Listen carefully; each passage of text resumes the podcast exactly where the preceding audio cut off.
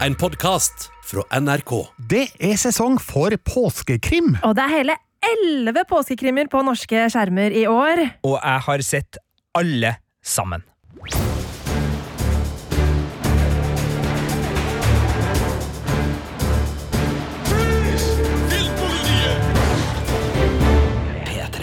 Og prisen for årets mest hardtarbeidende serieanmelder, det er du, Sigurd Vik, som får den. Takk for det. Det har vært eh, ja, mellom 50 og 60 timer, tror jeg, med påskekrimtitting nå på, på forhånd. Altså, det kommer fem påskekrimserier på NRK. Det kommer tre på TV2, det kommer én på HBO Nordic, én på Viaplay og én på Netflix. Jeg tror vi ganske trygt kan si at det her er rekordmange påskekrimmer på norske skjermer for en uh, påskehøytid. Da tar jeg litt sånn utgangspunkt i at vi levde ganske lenge i et ettkanalsystem, så har vi fått et fresh-kanalsystem, så har vi fått strømmetjenester, men det er veldig særnorsk, så det har liksom ikke vært sånn at Netflix driver liksom Og dem, altså vi kaller det påskekrim når de kommer med sin ja, faktisk en ny Sherlock Holmes-serie.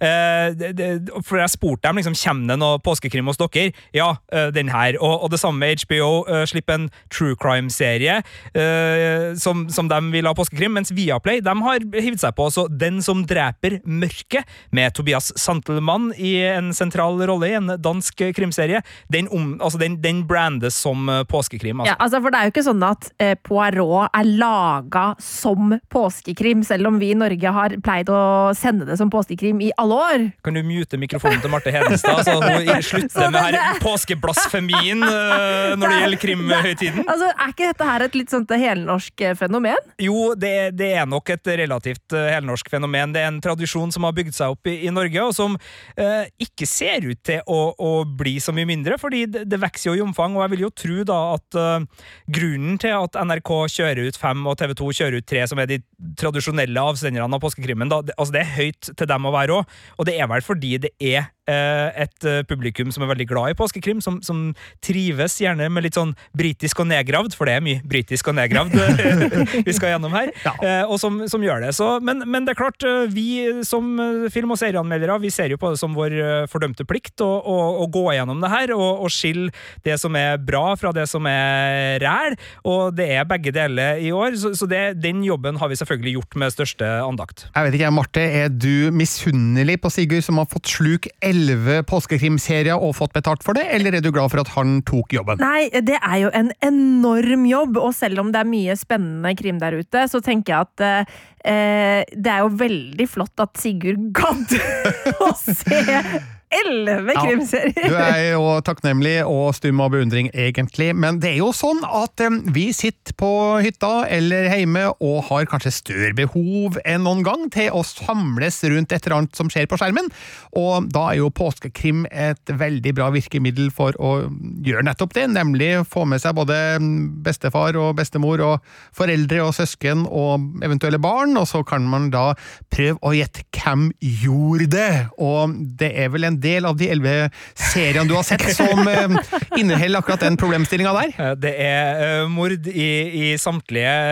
Det er gjetting i nesten samtlige, så det, det, er helt riktig. Og jeg merker jo nå Det er jo en del av oss, sånn som jeg da, og, og, grunnen til at jeg melder meg til det her, er jo for at jeg har veldig stor krimappetitt. Jeg, jeg, jeg, liker det her, og det, det er ikke å komme unna at om det her ikke hadde vært jobben min, om jeg hadde hatt en helt annen type jobb, så hadde jeg nok sett mye av det her lell, for jeg syns det er en veldig koselig aktivitet egentlig året rundt, men spesielt oppunder påske. Jeg er også sånn at jeg må liksom ha noen krimbøker klar til påska, sånn at jeg liksom har det med meg.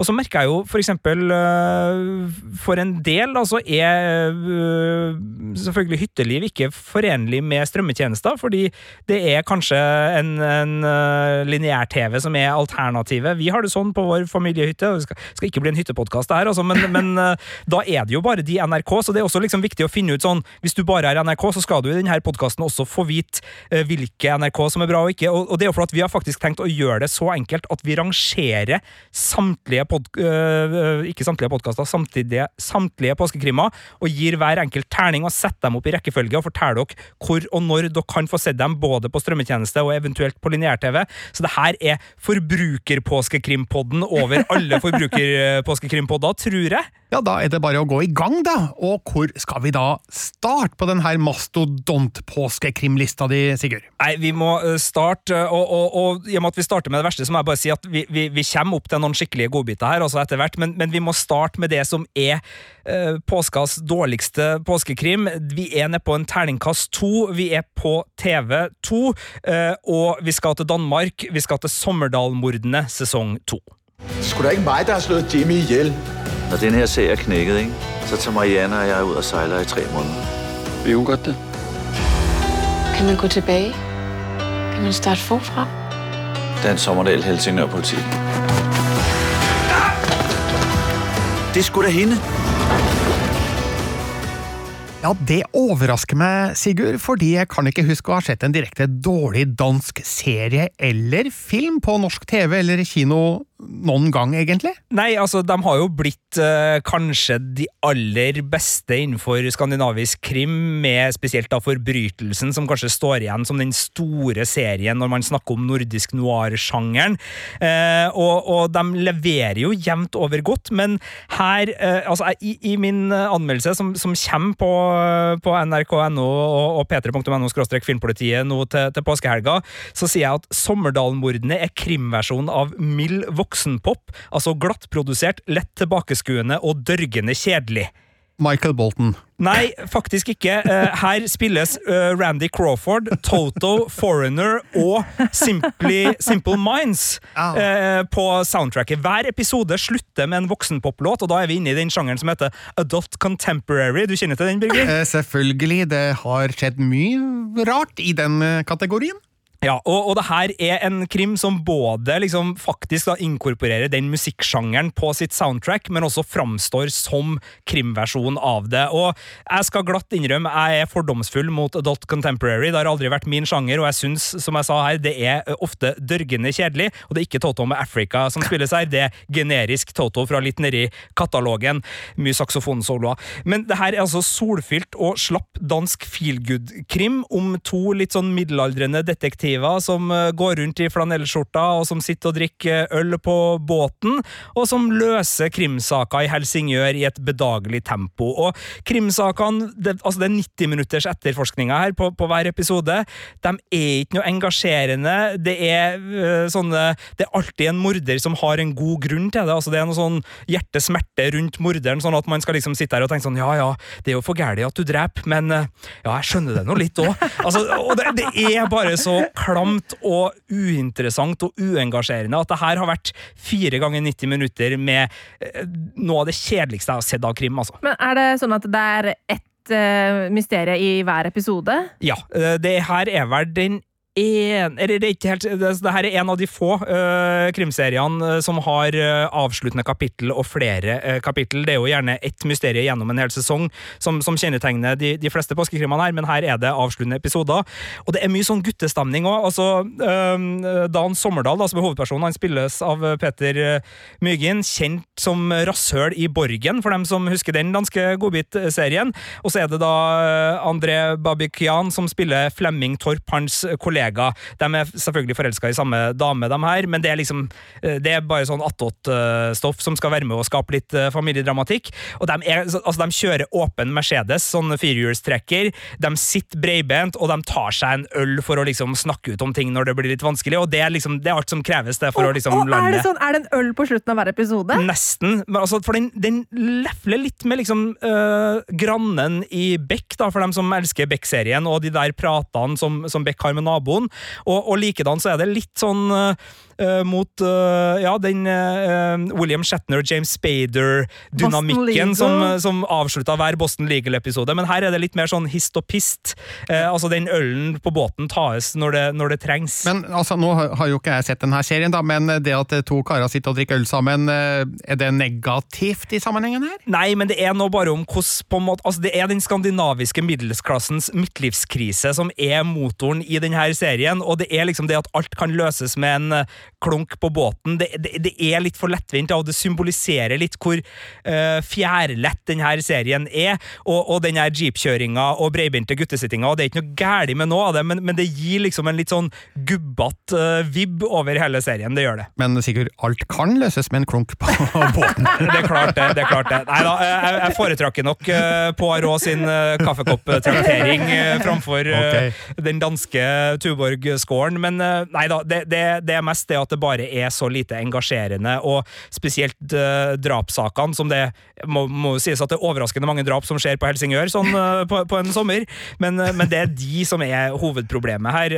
fordi det er rett og slett bare en sånn formeloppskrift som gås gjennom uten at det er noe som helst antydning til magekribling. Så den eneste terningkast to-krimserien blant årets elleve, det er da Sommerdal-mordene, som da kåres til den dårligste. Eh, allerede i dag kan du se hele fire episodene ligge ute på, på Sumo, eh, og så begynner det da eh, på TV2 mandag 29. mars klokka 21.40.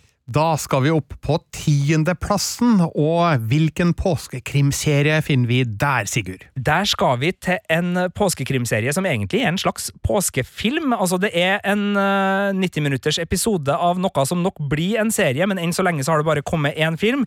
Den kommer på NRK, og den heter Grace. Og er britisk og handler da om en bokhelt som eh, heter Roy Grace, som uh, visstnok har solgt bøttevis av bøker i Storbritannia, og som er veldig populær. Jeg har ikke lest noe om Roy Grace, er det noe dere kjenner til? Nei. Nei, ikke kjent for min del. Er det Grace med G-R-A-Z-E, eller? Uh, G-R-E-I. G-R-A-C-E. Ok, Som i- Grace, ja. ordet Grace, ja. Ja, Mm. øh, så, så det er Men øh, det her er da en uh, 90 minutters uh, britisk krimfilm som da mer eller mindre ligner veldig på det du har sett av amerikansk samlebåndskrim i CSI, Bones, øh, Castle. Altså det er den type krim vi snakker om her, bare kledd opp i britisk og med et lite snev av åndelighet, fordi her er det en detektiv som tror på synske hjelpere. Og da faller Sigurd Vika av med en gang! Altså, uh, det er jo ingen tvil om at Der hadde jeg vippa et tak opp, og du hadde vippa et tak ned på der. ja, nei, altså Jeg var egentlig litt håpefull, jeg, fordi uh, det hadde vært artig hvis liksom, den synske biten kunne ha blitt brukt inn i mysteriet på en god måte. Ja. Men her gjøres ikke det. Nei. Eh, og det er det som er litt fortvilt. Altså Når du da går til det skrittet at du legger opp til en detektivhelt som skal liksom lefle med det overnaturlige, og han er en veldig sånn sindig, litt eldre britisk etterforsker, men han har liksom Fordi han mista Eller kona forsvant, Mm. det, det, vi vet ikke hva som har skjedd, og dermed så har han liksom havna inn blant de liksom øh, synske vennene sine, og de sitter da med en sånn pendel over et kart. Uh, der ligger like. Den, Eh, den, det, det, blir, det blir liksom ikke så mye mer enn det, og da Ok, okay, yeah. syns ikke jeg det er tilstrekkelig. du, den, eh, den eldre etterforskeren du snakker om, eh, spilles av eh, John Sim, eh, kjent fra den britiske versjonen av Life on Mars, altså originalversjonen da, av serien Life on Mars. Han er altså da 50 år. Ja, Eh, li- li- Like gammel som meg. ok. Takk for den! Sorry, Birger. Men han, han framstår som relativt. Altså, ja. I samspillet med sin yngre kollega, som spilles av Richie Campbell, så framstår han som den eldre og, og litt sånn Altså, han er i ferd med å uh, miste tiltro hos sine overordnede og drive og havne på sånne bortgjemte kontorer og litt sånn der. Eh, Du nevner serier som Bones og Castle og sånn i sammenligninga her, uh, og da lurer jeg på For jeg kan virkelig like den type serier, men da må det være noen rollefigurer der som man får litt sånn sansen for. Hvordan er Grace der? Nei, det er der det er litt problematisk, da, fordi øh, plottet er ganske enkelt. Altså, det er et utrykningslag som har gått galt. Uh, brudgommen er begravd levende som en prank, og så krasjer bilen med resten av utrykningslaget, sånn at ingen vet Oi. hvor han befinner seg. Det var et kult konsept. Ja, det er en flott episode av eh, CSI. Ja. Uh, og så er det liksom, hvem er det? Og så er det kanskje noen som står bak det her likevel, da. Uh, og så skal man liksom innom de mistenkte i, i kjent uh, stil. Og dessverre så er rollefigurene her veldig nært stereotypien. Det er tydelig at manusforfatteren har liksom ønska at det skulle være litt sånn eh, forskjellige typer, og, og både det, det åndelige og, og det som ender opp da med å bli løsninga på krimmysteriet, har liksom det, det er noen antydninger til noe, noe smart her, men det er liksom bare stereotypier i alle ledd, og det føles flatt, og det er kjedelig, og det er vel kanskje uh, den britiske krimserien jeg har sett de siste årene som har gitt meg minst, altså. Åh, så kjedelig, fordi jeg liker jo John eh, Sim. Du vet, han 50 år gamle skuespilleren. Men eh, jeg ser på nett at eh, det kommer en andre episode litt senere i år, basert på den andre boka av Roy Grace-serien. Vet ikke hvor mange bøker det fins, men vi får se da om det her blir en levedyktig krimserie etter hvert. Ja, og, og det er tydelig at det er nok øh, For dem som har lest bøkene, og for dem som har tenkt å følge denne helten videre, så er det nok en annen relasjon enn det jeg har. Fordi jeg ser i Storbritannia at anmelderne er mye mer positive. Jeg tok et lite streif innom der etter at jeg hadde gjort opp min mening. Eh, og, og det er også, som du sier, det er tydelig at det er lagt opp til at det skal komme flere filmer. sånn at det, det er mye av liksom, karakterbygginga som er litt sånn der stein for stein, og som gjør at når vi da bare får servert én film, da, for det er jo en og en halv time, det her, så, så framstår det litt rufsete og, og ikke helt uh, forseggjort. Og det er godt mulig at når man ser tilbake, så vil det her bare være en grei førsteepisode på noe som, som blir atskillig bedre, men sjøl om jeg liker John Sim godt i rollen, så er det rundt John Sim ikke bra nok. Uh, så den har premiere på NRK TV uh, i morgen, og kommer på, på NRK1 altså siste dagen i påska, mandag 5. april. Så de, den er jo der for dem som tror at en britisk bokhelt kan være for dem, men for meg så var det her en, en skuffelse. Da skal vi opp på niendeplassen over påskekrimmene som er tilgjengelig på ulike kanaler i år, og hvilken serie finner vi der? Der finner vi nok kanskje den største skuffelsen for meg sånn totalt sett, for der skal vi til Netflix, og vi skal til Sherlock Holmes, og vi skal til deres nye serie The Irregulars, som har en veldig lokkende inngang, nemlig uh, Dr. Watson trenger hjelp fordi det er en del litt sånn overnaturlige mysterier i London som han og Sherlock ikke helt klarer å løse, og dermed rekrutterer han en gjeng gateungdom som har evner, som skal hjelpe til med disse mysteriene i ja, et litt sånn viktoriansk uh, London, da, så at uh, det vi er vel på 1800-tallet her, og det er Baker Street, og det er liksom alt det vi, vi liker. Så, så jeg var gira, vet ikke, Marte, Ja. du, du har jo litt sånn fot for det her. Hadde du Ja. forventninger til The Irregulars? Ja, jeg var veldig spent på å høre hva du hadde å si om den. For at jeg tenkte at å, det her er noe for meg. Det her høres liksom ut som noe som er eh, straight up my alley. Ja, Hadde jeg vært sjef i Netflix og fått den pitchen, så hadde jeg sagt ja, det skal vi ha. Kjør på, produser. Men hva er det som gjør at eh, The Irregulars allikevel ikke har blitt det du håpa det skulle bli? Nei, den ligger i det sjiktet som Netflix lager en del av, nemlig litt sånn overdramatiserte tenåringsserier hvor både skuespill og manus er litt føles litt raska sammen. Altså, det, det lugger litt her. Du merker at lyden som er lagt på, ikke er helt i synk, så det er litt sånn der, og det er litt sånn klipping som ikke er helt uh, forseggjort, der folk plutselig har liksom endra altså, både fargepalett og, og litt uh, posisjoner, så det er en del litt sånn der småruff som ikke bør være i en uh, god Netflix-produksjon. Men, men hovedproblemet er jo bare at uh, den gaper over for mye, og, og spesielt Sherlock og Watson-delen av eh, serien er det er middelmådig at best, og det er klart, eh, en serie som på soundtracket tar seg friheten av å bruke moderne popmusikk, så her har du liksom Billie Eilish på soundtracket, og du har uh, Sherlock-universet. Altså det er to ganske svære bestanddeler i moderne popkultur.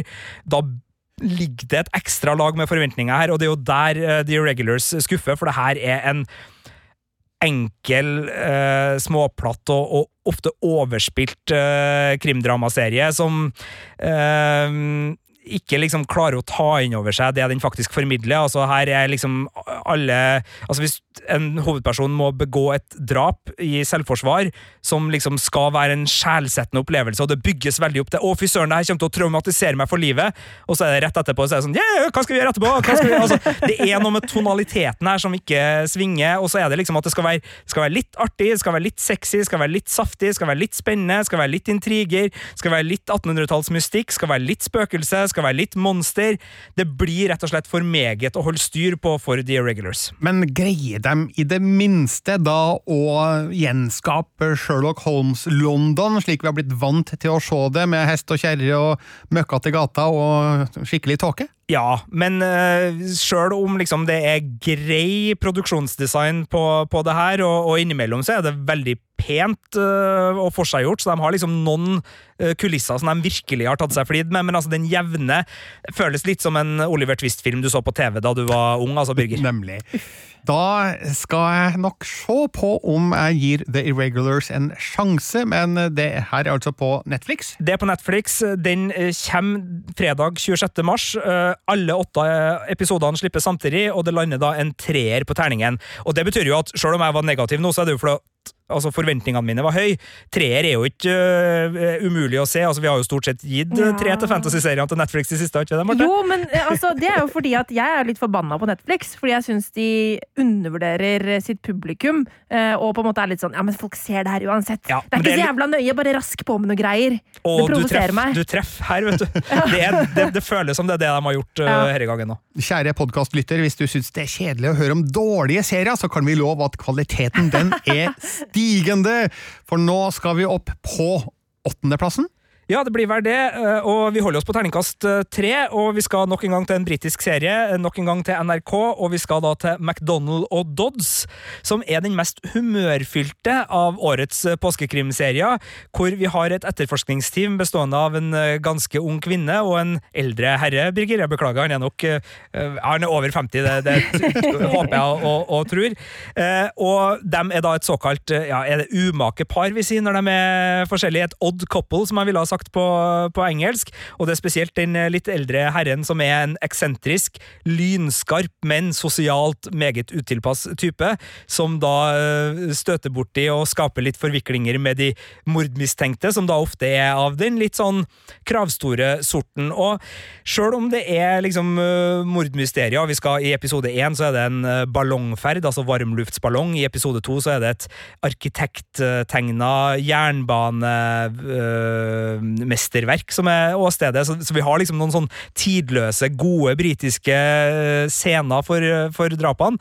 Men det er liksom det litt sånn humoristiske samspillet og det vittige eh, mellom de mistenkte da, og, og, etterforskerne, som er det som skaper det som er av magi i McDonald og Dodd. Så jeg tror nok spesielt NRKs trofaste, litt eldre publikum vil kunne kose seg med det her, for det er, det er mye kostelig. Det er ikke et ord jeg bruker ofte, men kostelig er vel det ordet jeg ville ha brukt om uh, humoren her. Høres ut som en serie for mora mi, kanskje?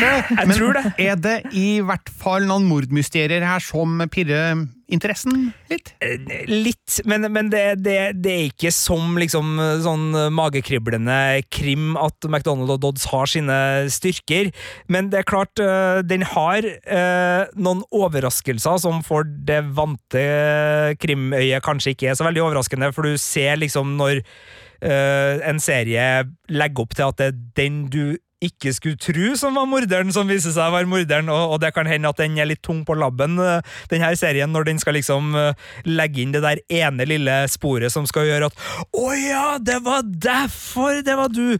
Men, eh, men samtidig så, så, så, er det liksom nok uh, finter her til at man kan bli litt overraska, og det er litt morsomt å sitte og gjette hvem er det egentlig som har gjort det. Så det her kan kanskje være et sånt kroneksempel på en krimserie som faktisk kan samle alle generasjonene i stua? Det tror jeg. Den er harmløs nok til å nå relativt uh, ungt, og den er uh, også litt sånn som den danske vi snakka om innledningsvis, ganske tilbakeskuende. Her er det eh, musikere fra 80-tallet som er involvert i episode én, Birger, og da vil jo du nikke anerkjennende til at det handler jo ikke om gamle folk, det er jo unge mennesker, selvfølgelig, men, men de har da blitt litt grå i håret og, og er da en litt sånn kostelig gjeng kjendiser som er meget fornærmet over at dem kan være mistenkt i en mordsak. Det er jo så under deres verdighet. Vet ikke du at jeg laga syntpop på 80-tallet, må skjønne.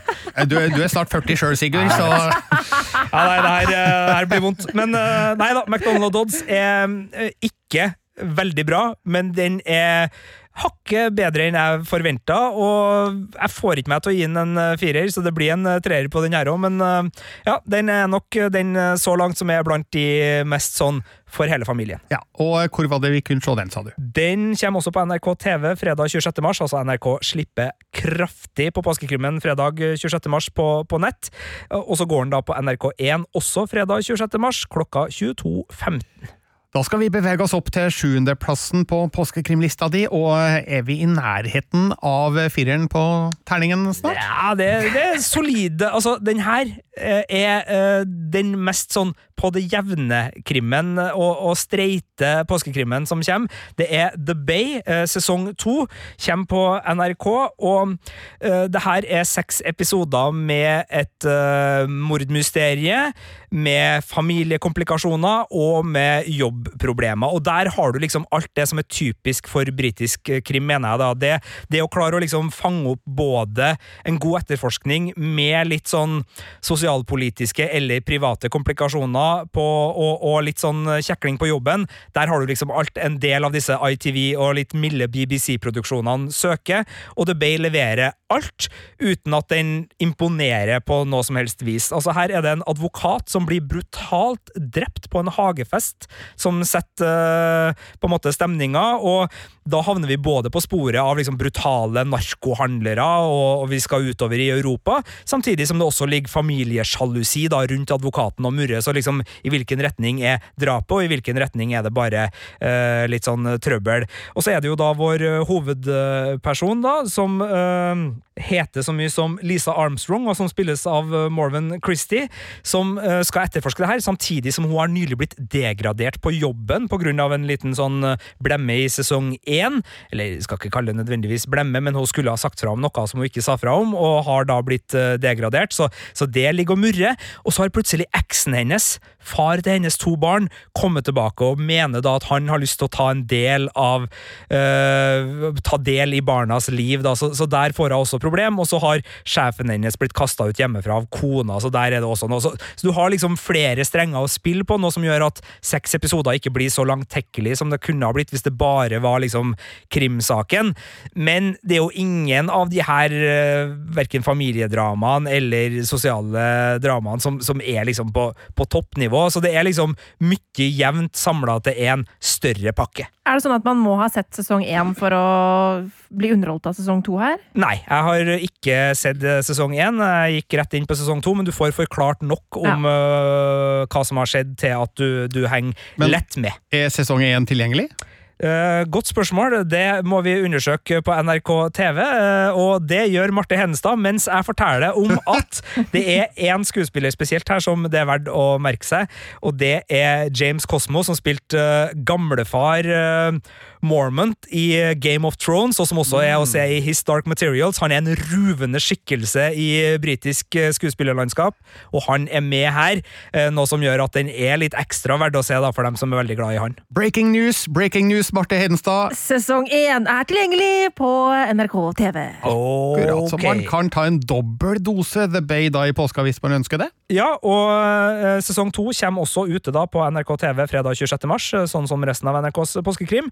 Og uh, på NRK1 på mandagen den 29. mars klokka 21.15 kan man begynne å se. Så det her er den, det her er den påskekrimmen som skal gå jevnt gjennom påskeuka på kveldstid på NRK1. Og sjøl om det er en terningkast tre fra meg, så er det her uh, Det er ingenting galt med den. Det er ikke en sånn terningkast tre fordi noe er bra og noe er dårlig. Her er bare alt på det jevne. Helt grei påskekrim. Vi er ca. halvveis i uh, topp 11-lista di over årets uh, påskekrimutvalg, Sigurd. Uh, er det noe av det han har snakka om så langt, Marte, som du har merka deg ved at ja, men det her skal jeg se, til tross for terningkast tre? Nei! Du kommer til å se, eh, sånn, se The Irregulars, ikke sant? Jo, kanskje det. Vi kommer i hvert fall til å sjekke ut The Irregulars. men så tenker jeg at kanskje jeg heller skal ta et lite gjensyn med um, Penny Dreadful isteden, for det høres ut som det er litt sånn opp den samme gata. Penny men, Dreadful er atskillig bedre laga enn ja, for The det er jo en knallgod serie. Men jeg begynner å lure på her nå, eh, om, det, om er det yatzy av terningkast treer her nå? Altså, det, det, det renner på. Ja.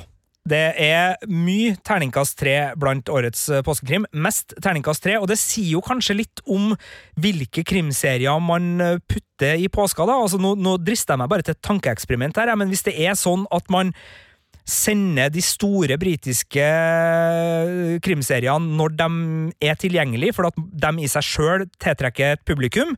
eh, og så sparer man kanskje opp litt av den der eh, fyllmassen og tenker at dere kan vi slippe i påska. Ja, jeg skal ikke si at det er sånn eh, man har tenkt, men eh, det kan se litt sånn ut. Men her kan vi jo skyte inn at eh, terningkast tre betyr ikke at en film eller en serie er dårlig. Terningkast tre betyr at eh, den har noe bra ved seg og noe dårlig ved seg. Altså helt middels, og av og til så kan vel middels være greit nok? Altså, eh, for eksempel The Bay, da. Jeg hadde ikke noe problem med å motivere meg for neste episode mens jeg sitter og ser den her. Det er helt grei for meg som er glad i krim. Helt grei krimunderholdning. Men den har liksom ikke noe ekstra ved seg, så, så, så da blir det en, en helt sånn midt på treet treer. Det blir det jo også til, til neste serie, som da er på TV2, eh, og som eh, bare går på sumo. Det er verdt å merke seg. Så vidt jeg kunne se, i hvert fall, så har ikke TV2 tenkt å sette opp den her lineært. Men The Sisters eh, Nei, The Sister er en eh, psykologisk thriller-krimserie med spøkelser.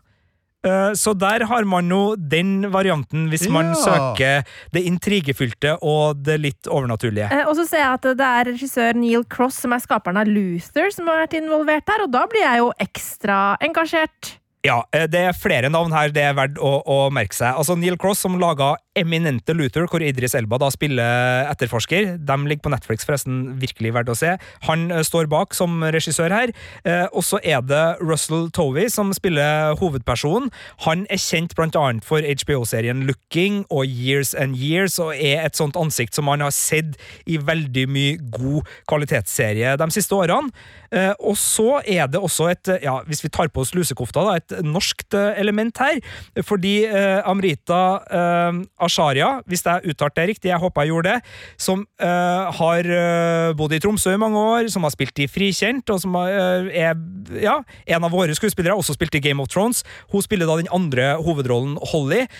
Og alle disse tre er jo solide navn vi har store forventninger til, og de leverer godt, for det her er en velspilt serie, eh, men det er også en serie som eh, lider litt av at den prøver å være mye på en gang. Og um, selve liksom, intrigemakeren her er at eh, Nathan og Holly da er, er gift, eh, og tilsynelatende lykkelig, skal eh, få barn og, og alt er liksom bra der. Det Holly ikke vet, er at Nathan var til stede da søstera hennes døde i skogen for en del år tilbake, eh, og at de nå skal grave opp den skogen, sånn at Nathan og kameraten eh, Bob eh, må ut i skogen og grave opp eh, det liket eh, for å flytte på det. Ok, det og Bob er kjempespennende ut. spøkelsesforsker. Ghostbusters! Men det her høres jo veldig I gøy see ut. dead people. Ja, det, det er uh, interessant og det er artig, men som psykologisk thriller så er den ganske nedpå, ganske sånn intens, og det er mye sånn uh, stilig arkitektur og rødvinsglass i samtalene mellom uh, Nathan og Holly, og så har Holly en bestevenninne som er politietterforsker, og som etterforsker drapet på søstera, og som begynner å liksom spør, stille spørsmål hvem er han Bob, hadde ikke vi han inne til avhør? Øh, ja, ikke sant? Og så videre, og så videre. Men, men det er en del her som, som svinger, og underveis så, så koser jeg meg godt med The Sister. Den har noen, noen høydepunkt som er ganske god, men uh, spøkelseshistoria blir Ja, den, den, den nå, har liksom ikke nok til å gå helt inn. Den blir liksom brukt litt sånn hist og pist bare for å øke dramatikken litt, og så, så klarer ikke de helt å liksom ta med seg den inn i krimmysteriet på en god måte. Eh, og så er det eh, liksom det, det er litt for mange intriger her, og litt for sånn Vi snakker jo om fiksjonstroverdighet ofte.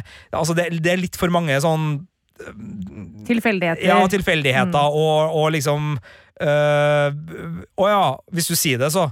Uh, altså, så det, det, det, det, det lugger litt enkelte plasser her som gjør at jeg, jeg satt med en litt sånn der Altså, Når man blir litt rivd ut av en serieopplevelse pga. at øh, fiksjonstroverdigheten skurrer, så er det vanskelig å komme inn i det igjen. Og, og det var det som skjedde underveis i The Sister for meg. Jeg, jeg ble rett og slett bare sånn Ja, men det her går jo ikke. Det er for dumt. Ja, det er for dumt. Ja. Ja. Men uh, veldig hyggelig å høre at Amrita Asharia har en stor rolle i den. da, for i, ja, så Etter at hun ble kjent i Game of Thrones, så spilte hun jo hovedrollen i Iram Haqs film 'Jeg er din' i um, 2013. Og så var hun vel med i 'Død snø 2' i en liten rolle der, men etter det så har det vært litt sånn borte for oss, kanskje. Men jeg ser på Internett Movie Database at hun har gjort en del um, kortfilm, og så har hun spilt Dr. Ruby Walker i serien Good Karma Hospital, og nå da Holly Fox i serien som egentlig da heter Because the Night, men den er altså døpt om til The Sisters. Sister. Ja, Ja. The Sister. Ja, øh, og, og øh, det er helt greit, fordi den øh, originaltittelen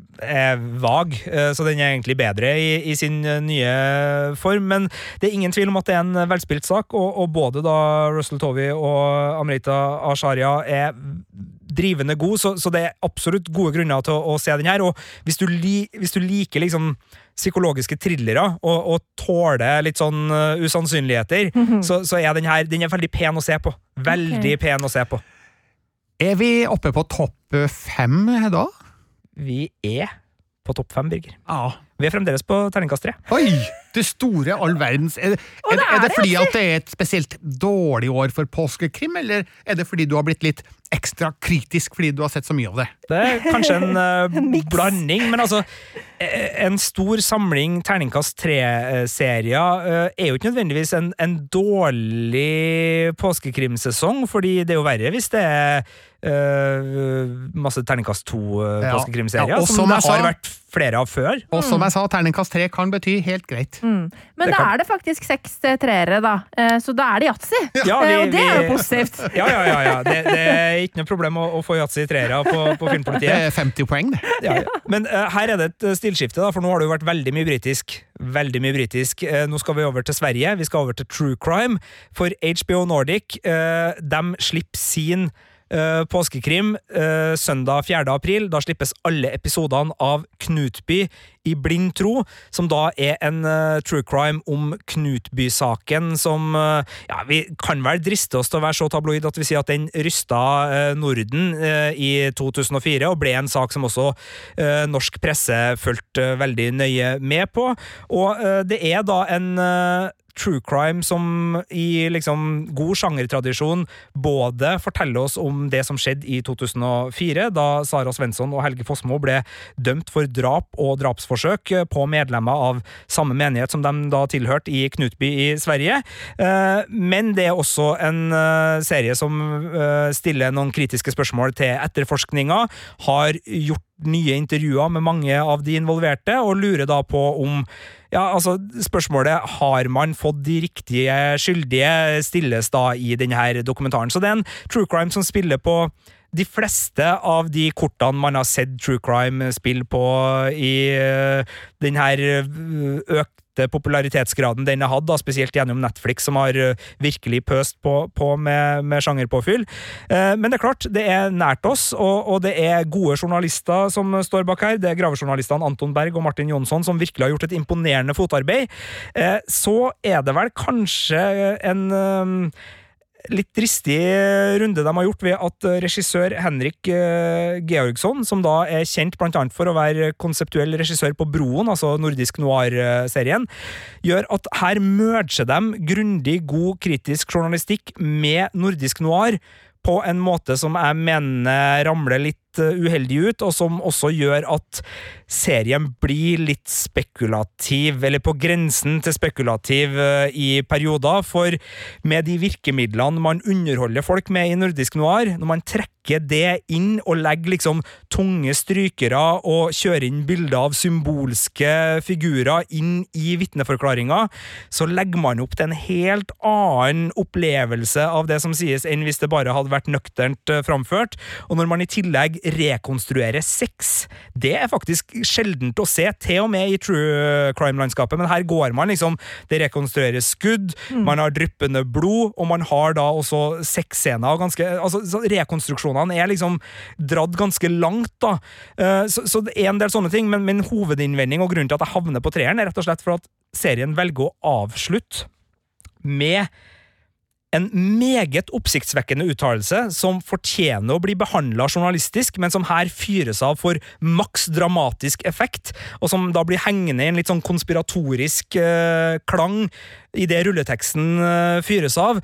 Og det syns jeg er å leke med underholdningsformatet litt for mye i en uh, true crime-sjanger, og det gjør at min tillit til journalistene som jeg syns har vært så dyktige og så grundig gjennom hele serien, den faller rett og slett. Fordi hvis de ikke har en mer etterrettelig runde på avslutningsgreia, at de vil sende meg ut i, i intet med den der uttalelsen hengende, altså da, da, da føler jeg at de er mer opptatt av å underholde meg enn å opplyse meg. Men nå blir jeg skikkelig interessert i å se hele serien for å høre hva den uttalelsen er. Hva tenker du, Marte? Jeg er helt enig, jeg ble jo veldig nysgjerrig. Eh, samtidig så eh, jeg jo, skjønner jeg jo på en måte òg hvor du vil hen. For at, eh, vi har jo diskutert der mye, den derre eh, Hvor er det grensa eh, går mellom journalistikk og underholdning i true crime? Det er jo en vanskelig balansegang som veldig ofte går lite grann skeis. Eh, fordi det er jo noe ved det at når du skal faktisk omhand, liksom dokumentere virkelige hendelser, eh, og gjerne litt sånn ting som det er knytta fortsatt mysterier til, så blir det litt sånn ja, skummelt å drive og spekulere og sånn. Ja, Vi snakka jo nylig om det på en Netflix-serie om en seriemorder i um, California, der du også ment Eller var det du? Jeg husker ikke hvem av dere som Tror du anmeldte den. kanskje var Sigurd? Ja. Eh, du vet, jeg husker hvilken jeg snakker om? Det var Nightstalker-dokumentaren, som også Nemlig. gikk altfor langt i å lage på en måte glossa underholdning av rekonstruksjonene på Mm. de makabre åstedene. Og det som er problemet, er at det blir nesten true crime-parodisk òg, og, og der nærmer også den her seg. Fordi ved å liksom ha den der øh, Både rekonstruksjonene, men også det der sitatet som skal komme på slutten. altså Vi har sett så mye true crime nå, og vi kjenner igjen mekanismene, at det, det nærmer seg en slags øh, Og, og verst for denne Knutby i blind tro er kanskje de strekkene hvor jeg opplever at jeg sitter og hører på en podkast, og så sitter jeg og ser på en skjermsparer som har stilt inn på Nordisk Noir. Altså Det er så mye sånne glidende kjøringer med kamera over skog og åker, som er typisk for nordisk noir-sjangeren, som her brukes som fyllmasse, når de egentlig bare har lydintervju. Eh, og de ikke har lyst til at du skal se ansiktene, så bare kjører de på. Og det tror jeg jo da er regissør Henrik Georgssons grep. Og det, og det, det blir etter hvert så, så slitsomt at det, det blir nesten utmattende. Og, og det samme uh, som er en, en litt sånn skurrete grep som er gjort, er at vi følger her de to journalistene som sitter på sitt kontor og snakker til hverandre eh, om saken og hva de har oppdaga. Og det er jo en flerkameraproduksjon som er regissert, og det kunstige skillet mellom at de ikke snakker naturlig til hverandre, men sitter sånn Hei, Marte, vet du hva jeg har oppdaga når jeg snakka med Altså, det gjør også at det blir en sånn omstendelig form da, og en Ja. distanse, og eh, ekstra pussig blir det når de kritiserer Uh, de sitter da og kritiserer eh, politiet og de som laga vitnevideoen for å ha gjort det for regissert. Og det er jo ikke at, altså selvfølgelig, det er et mye større ansvar for politiet eh, og aktoratet i en sånn sammenheng enn det er for true crime-skapere, men at de ikke liksom ser parallellene, at de sjøl sitter i en regissert setting som ikke er tilkjennegitt, og kritiserer en regissert setting som ikke er tilkjennegitt. Det, det, det er noen sånne smårufs òg som gjør i hvert fall at jeg blir litt sånn småirritert på det her. Men eh, de skal ha ros for å ha laga en fantastisk stemningsfull og flott modell av Knutby, som brukes til stor effekt, og som er meget elegant. Og der omgår de jo også rekonstruksjonsproblemet.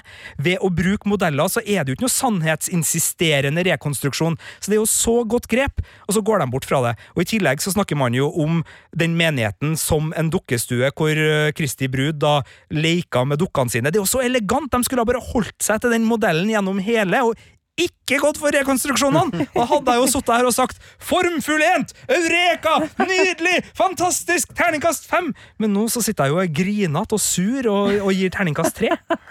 Men den er her, den fins, og hvor kan man se Knutby-dokumentaren? Den kommer på HBO Nordic den 4. april med alle seks episodene. Da er vi oppe på fjerdeplassen, og nå kommer fireren, vel? Den kommer. Oh, Den første!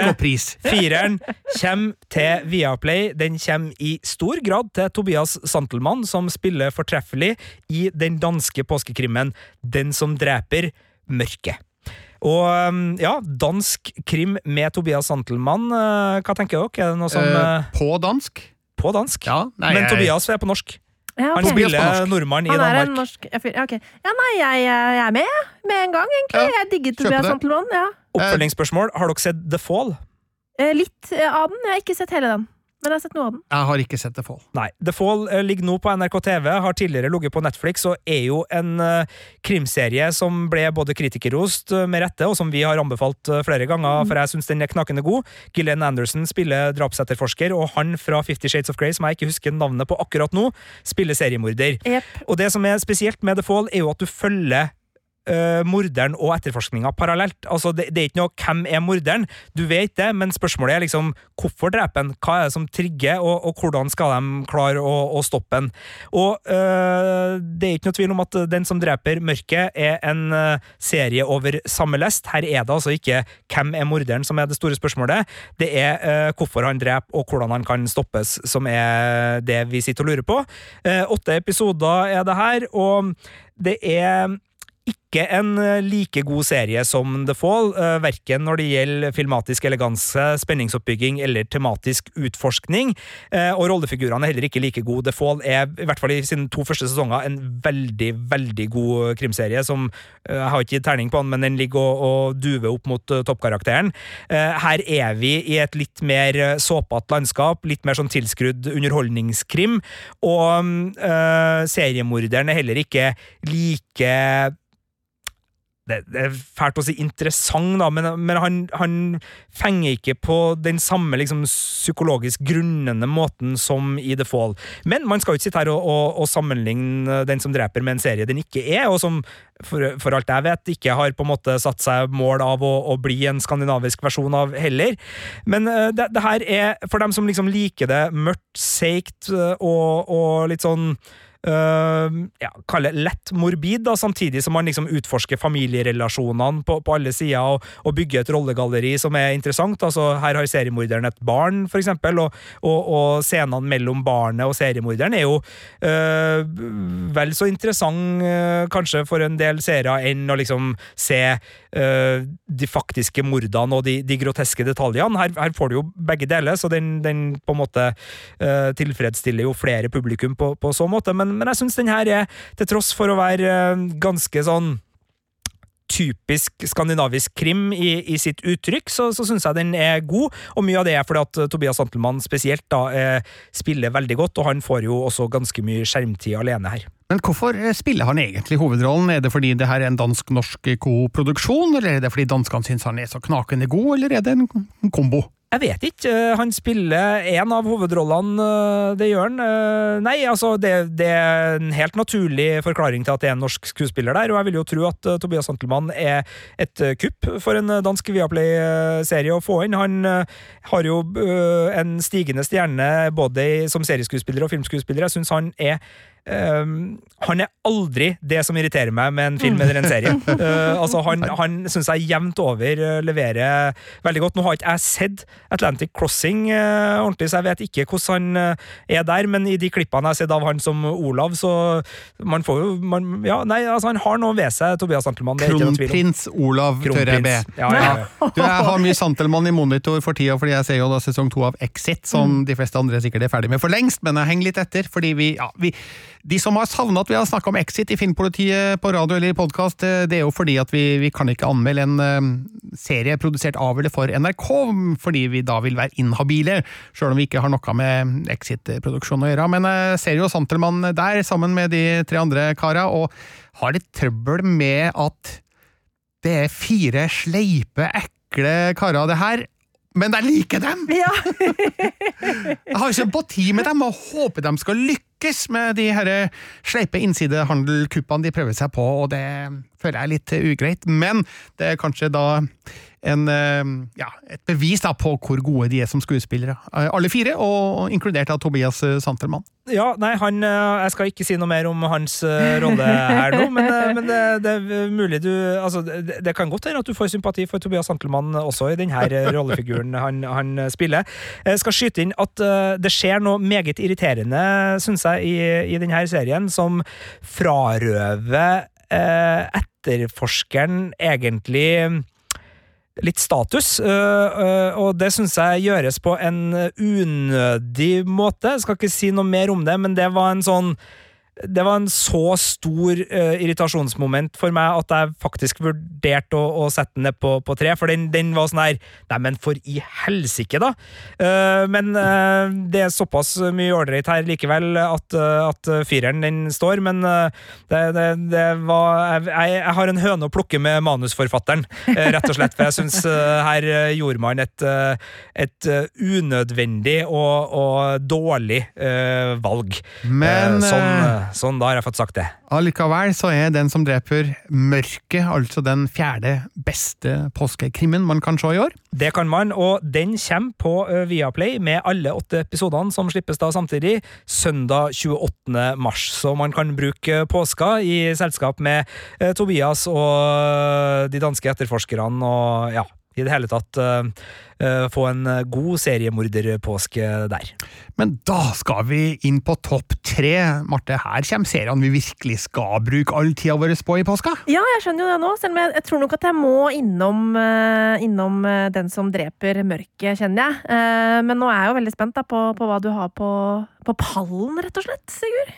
Husker dere eh, at David Tennant spilte seriemorder i en serie som het Dess, som fikk terningkast fem her i Filmpolitiet for noen måneder siden? Stemmer, ja. Det husker jeg. Ikke sett den, men jeg, hørt, eh, eller jeg husker at du var veldig positiv. Ja, Den serien er en del av en større serie som ITV lager, eh, som nå jeg tror er oppe i 13 ulike serier, som handler om krim fra virkeligheten i Storbritannia, hvor de får kjente skuespillere og setter sammen dyktige manusforfattere til å dramatisere eh, uhyggelige og fæle ting fra egen krimhistorie. Og det er akkurat det som da har skjedd også i mordene i Pembrokeshire, hvor Luke Evans, kjent fra Hobbiten og fra Skjønnheten og udyret, spiller en etterforsker, og det er uh, seriemorderen og voldtektsmannen John Cooper som er liksom uh, den virkelige forbryteren, da, som, som det, det nøstes i. Det her er, foregår på, på sørkysten av Wales, og det er også filma der, så, så miljøskildringene er skikkelig gode her. altså Man kjenner på været, man kjenner på klimaet, og det er også filma i de områdene hvor eh, drapene og, og voldtektene faktisk skjedde. Så, så eh, på en måte ektehetsfølelsen i, i skildringene sitter, sitter veldig godt, og, og det er et litt annet sted enn man pleier å være eh, i, i krimlandskapet, og som også selvfølgelig gjør at det føles litt originalt og, og litt annerledes, og, og er med på å, gi noen eh, gode um, ikke gode seeropplevelser, men altså det, det, det føles friskt, da, rett og slett. Uh, Sjølve krimplottet handler i stor grad her om at uh, John Cooper han satt fengsla for en vold- og ransdom, men de hadde ikke klart å liksom uh, få voldtektene og drapene på han. Men i 2006, når metodene for uh, DNA-sporing uh, forbedrer seg, så får de en ny sjanse, og det er den etterforskninga, altså den kampen mot klokka før han kan slippes ut på prøve, som er liksom spenningsdrivet her i, i serien. Og det lykkes ganske godt. De har litt problemer med at de må hoppe en del i tid for å få det til å gå opp på tre episoder, noe som gjør at den eh, ytre spenninga og familiekonfliktene rundt det her blir litt sånn hengende enkelte steder, så, så den får noen sånn formmessige skavanker ved at den Jeg vet ikke om den her hadde blitt bedre på seks episoder, det er ikke jeg sier, men altså ved å hoppe i tid i en sånn krimserie, så mister man noe.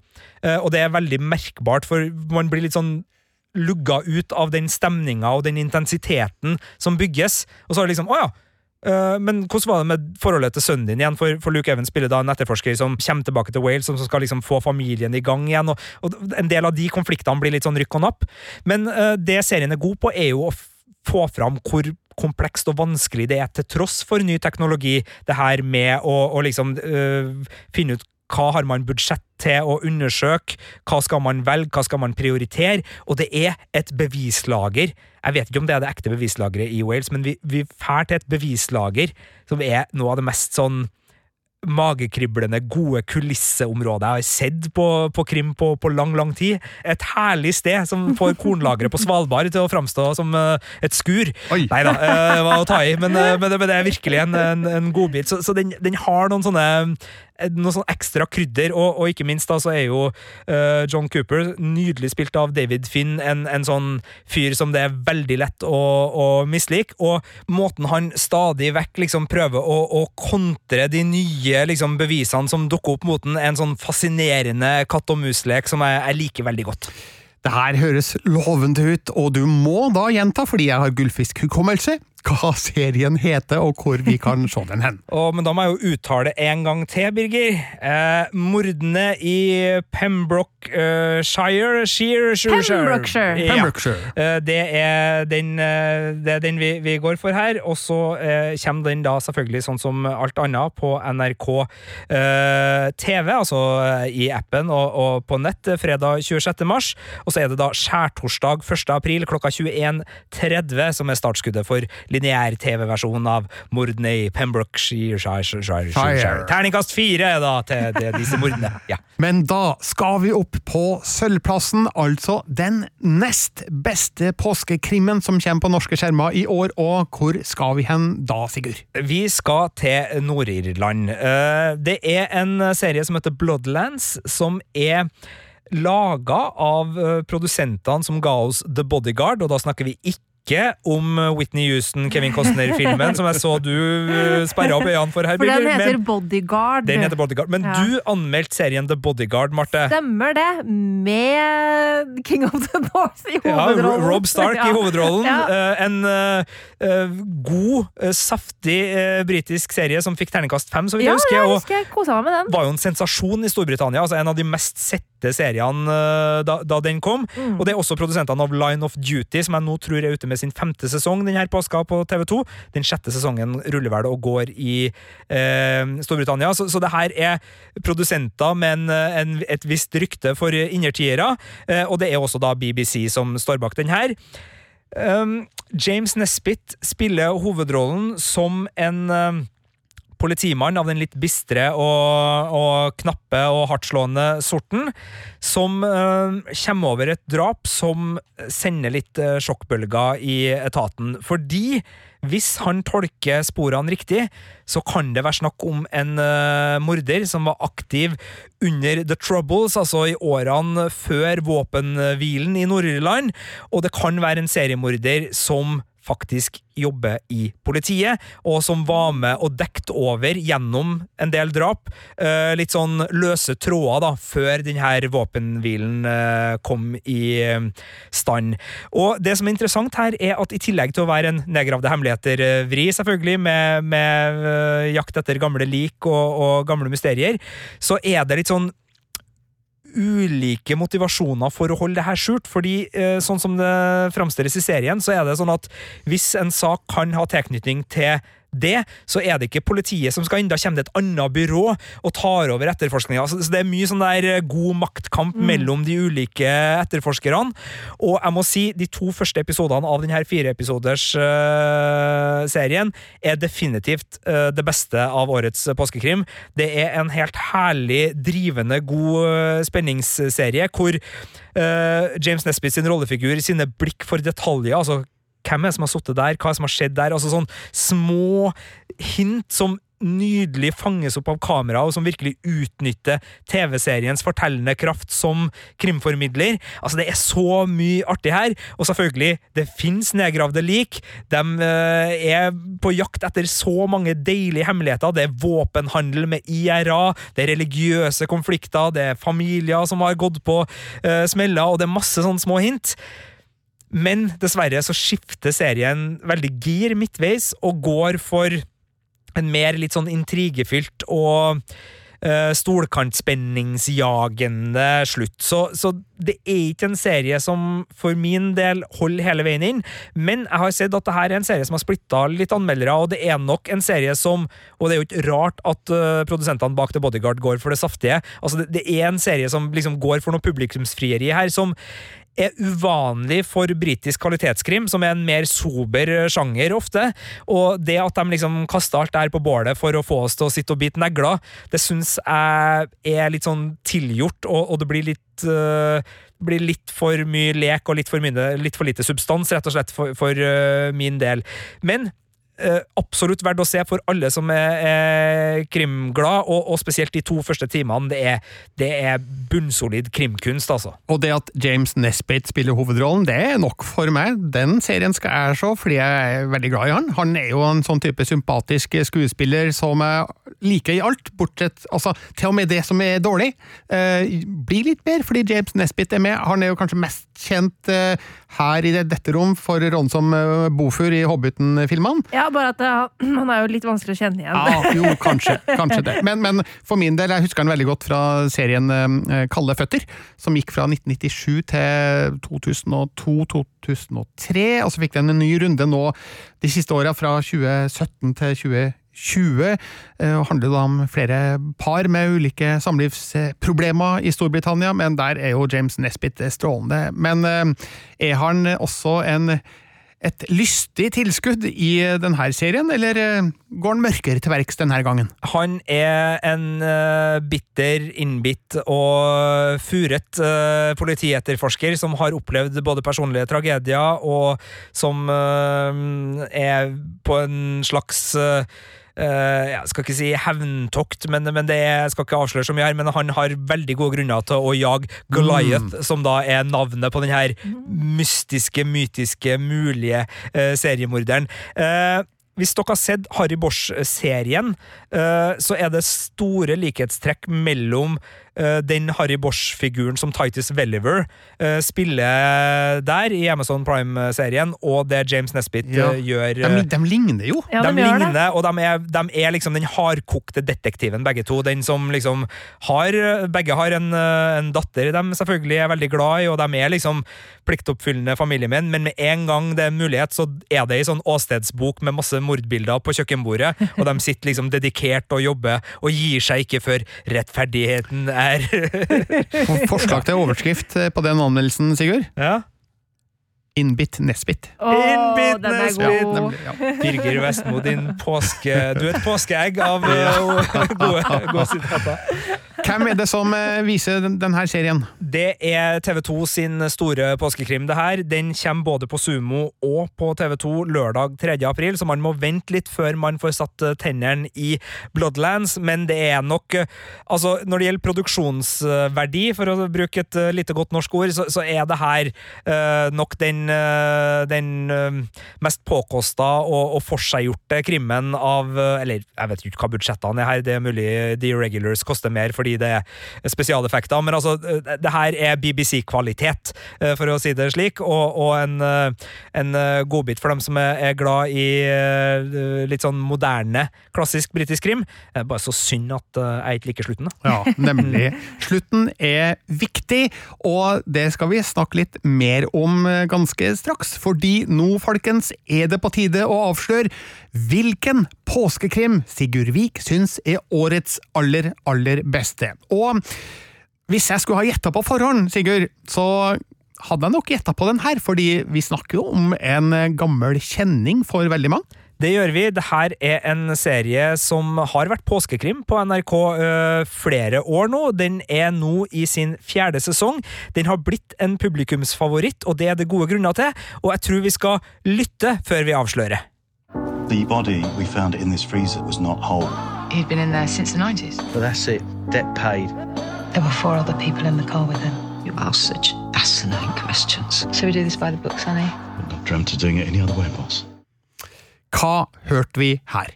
Det her er Nedgravde hemmeligheter i sin fjerde sesong, som er øh, den aller beste påskekrimmen både på NRK og av alle de vurderte Eh, så langt i år. Og det eneste som kan rokke ved det, er at jeg ikke har fått sett slutten ennå. Nemlig. så jeg, jeg, har et forklaringsproblem her. Ja. Men uh, jeg har fått tilgang til nesten da 100% av påskekrimmen på forhånd. Uh, en bortskjemt drittunge. Men uh, akkurat siste episode av Nedgravde hemmeligheter har ikke kommet til NRK ennå. Det har ikke kommet til Norge ennå. Den har ikke gått på britisk TV ennå. Det skjer først på mandag. Den kommer rett rundt hjørnet eh, til anmeldere, så jeg skal straks få, få sett den ferdig. Men uh, ut fra det jeg har sett, som da er to tredjedeler av sesongen, så er det her uh, den beste påskekrimmen i år. Og mye av det er fordi det her er en serie som har bygd seg stein for stein med de relasjonene vi har fått til etterforskerne, til å bli en skikkelig favoritt. Og øh, den klarer da å, å virkelig grave fram de nedgravde hemmelighetene og de gamle draps... Altså cold cases, mm. som er en sjanger som er veldig svak for, og som mange krimentusiaster liker godt. De har liksom klart øh, nok en gang da å funnet et øh, et gammelt drap, og selvfølgelig, hvordan, ikke minst, altså, som vi hørte på lydklippet, det mangler et hode. Altså hvordan det like blir funnet, som, som gjør at det, det, blir veldig spennende å følge etterforskninga. Er det her en serie dere har forhold til? I høy grad. Jeg har slukt de tre første sesongene sammen med resten av familien, så det her er selve kroneksempelet, tenker jeg, på kvalitetspåskekrim, som kan samle både gamle og ung, men kanskje ikke de aller yngste, da. For eh, det er ganske mørke krimgåter som skal løses, i hvert fall i de tre første sesongene. Så hva skjer i den eh, fjerde? Det er et um, lik, da, ja. som blir funnet etter at en bygning rives. Og så langt så er det jo veldig velkjent stoff her. Viser seg at det her er et uh, drap som har skjedd på 90-tallet. Ja. Og det viser seg at uh, etterforskninga fører både av sted mot uh, en del uh, folk som har gjort det bra i etterkant, faktisk så bra at de kanskje um, har sjølve politimesterens øre. Oi, oi, oi! Mm. Du, her kan det ligge an til både eksterne og interne utfordringer, skjønner jeg da. Det gjør det, og det er jo etterforskerne som gjør at det her er den store, sanne fryden å, å følge med på. Eh, Cassie, spilt av Nicola Walker, og Sunny, spilt av Shandeep eh, Baskar, er to uh, rollefigurer som bare altså, jeg trives så godt i deres selskap. De klarer både å være på en måte det der moralske kompasset, og dem som liksom virkelig tar inn over seg all faenskapen som gjøres, uten at det blir overspilt, overdramatisert og hengende i en slags sånn sentimental suppe, men det er liksom med mimikk, med enkle replikkvekslinger. Altså, de, de, de har en integritet da, som våre stedfortredere i det her påskekrimlandskapet, som, som treffer meg i hvert fall veldig mm. godt. Og så har de en uh, fantastisk kjemi som også gjør at de er lun når de skal være lun.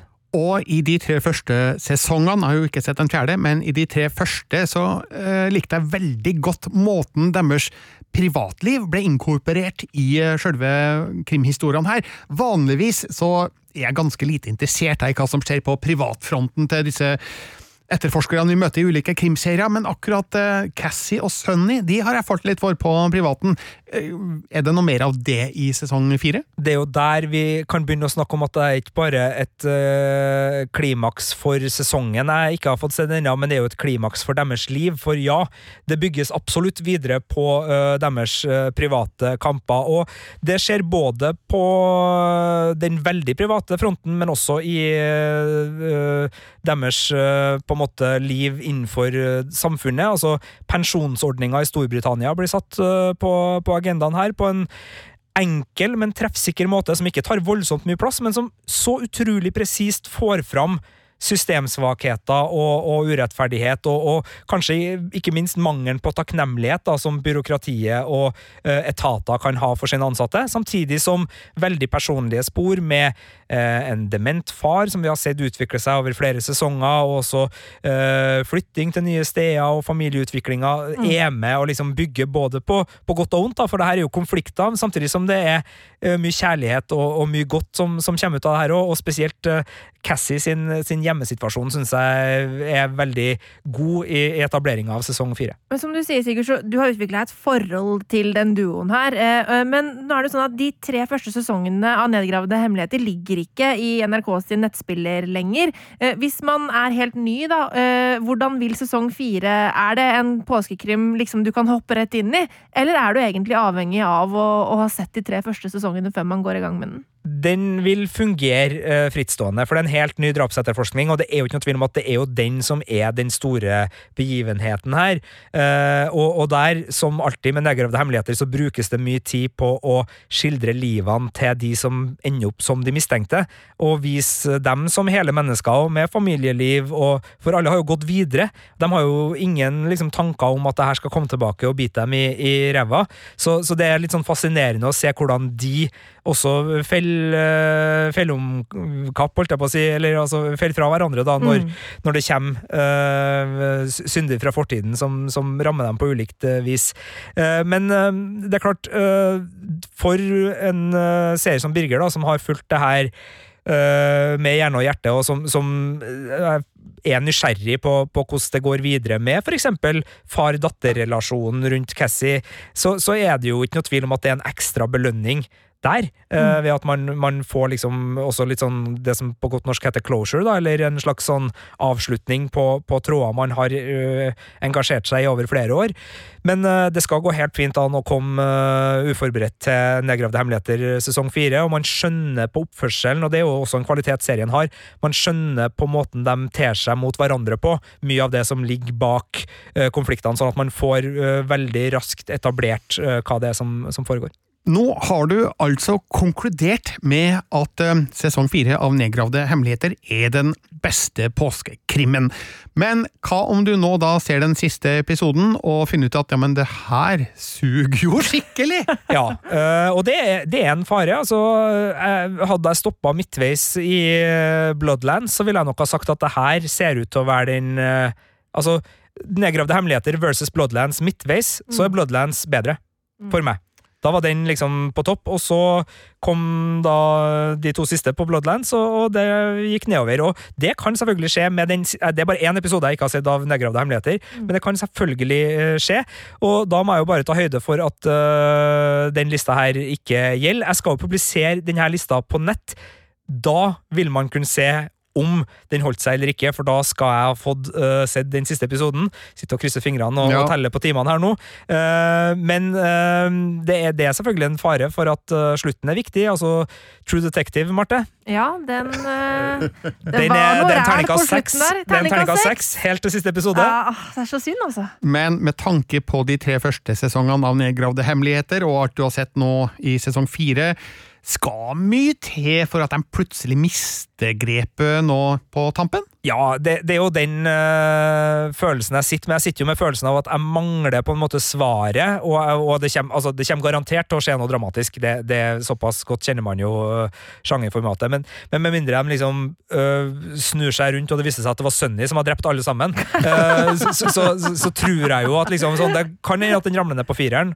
Uh, det kan godt hende, men, men, det er såpass grundig arbeid som er lagt i, i Torreterriet der. Men det er klart, hadde jeg bedt deg, Birger, om å anmelde en film, og så sparka deg ut av kinosalen før de siste 30 minuttene, så, så hadde du jo følt at du ikke hadde kunne ha gitt en fullverdig dom? Nei, da hadde jeg ikke anmeldt filmen i det hele tatt.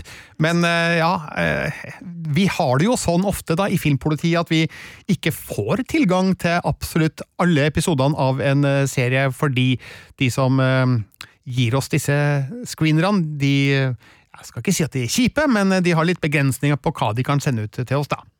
Det er noe der, og samtidig som eh, jeg da tar en eh, stor sjanse, så vil jeg jo påpeke at det her er en rangert liste med terningkast og minianmeldelser, eh, men, men den er, har jo et snev av forbrukerjournalistikk, denne lista, så den er jo ment for å gi folk en beskrivelse av det veldig omfangsrike påskekrimlandskapet som kom i 2021, sånn at man kan på best mulig vis velge riktig løype og få best utbytte av sofapåsken. da. Vi vil jo at det skal være silkeføre også der, selvfølgelig.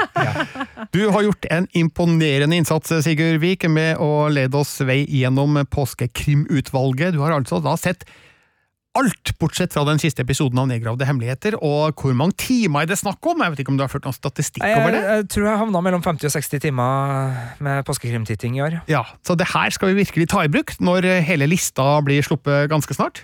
Den kommer eh, til helgen. Men jeg har et kjempespørsmål. Hva er det du nå skal se i påska? Du har jo sett alt! Du har ingenting å gjøre! Jeg har heldigvis, og det vil også dukke opp i denne saken vi snakka om, eh, masse godt å se på, fordi dere har jo sett andre ting mens jeg har sittet i påskekrim. Så Birger, jeg skal endelig få sett Small X-filmene, som du ja. ga terningkast seks. Marte, du forteller meg at det er en superheltserie av typen animert som kommer på Amazon Prime, og en norsk nachspiel-serie som kommer på Discovery Pluss jeg skal se. Så det er jo ikke noe problem å få det til å gå rundt, men jeg kan love dere det. Det blir krim òg, ja, for jeg har uh, skaffa meg en lydbok eh, med krim, så selvfølgelig skal det nytes også. Eh, litt sånn drap og etterforskning uh, fra sofakroken min i påska. Appetitten er umettelig når det gjelder påskekrim for oss, og sikkert mange andre, men eh, nå setter vi punktum for denne podkasten. Vi håper du har hatt glede av å høre på, blitt klokere på hva du skal se, og hva du eventuelt skal holde deg unna av årets påskekrim. Hør oss hver søndag på P3 fra 12 til 15. Du kan også lese alle våre anmeldelser på p3.no filmpolitiet, og vil du spørre oss om noe, eller har du en kommentar, send oss en e-post til filmpolitiet at nrk.no. Dette var det i studio i dag, Birger Vestmo. Marte Hedenstad. Og Sigurd Vik. Du har hørt en podkast fra NRK. Hør flere podkaster og din favorittkanal i appen NRK Radio.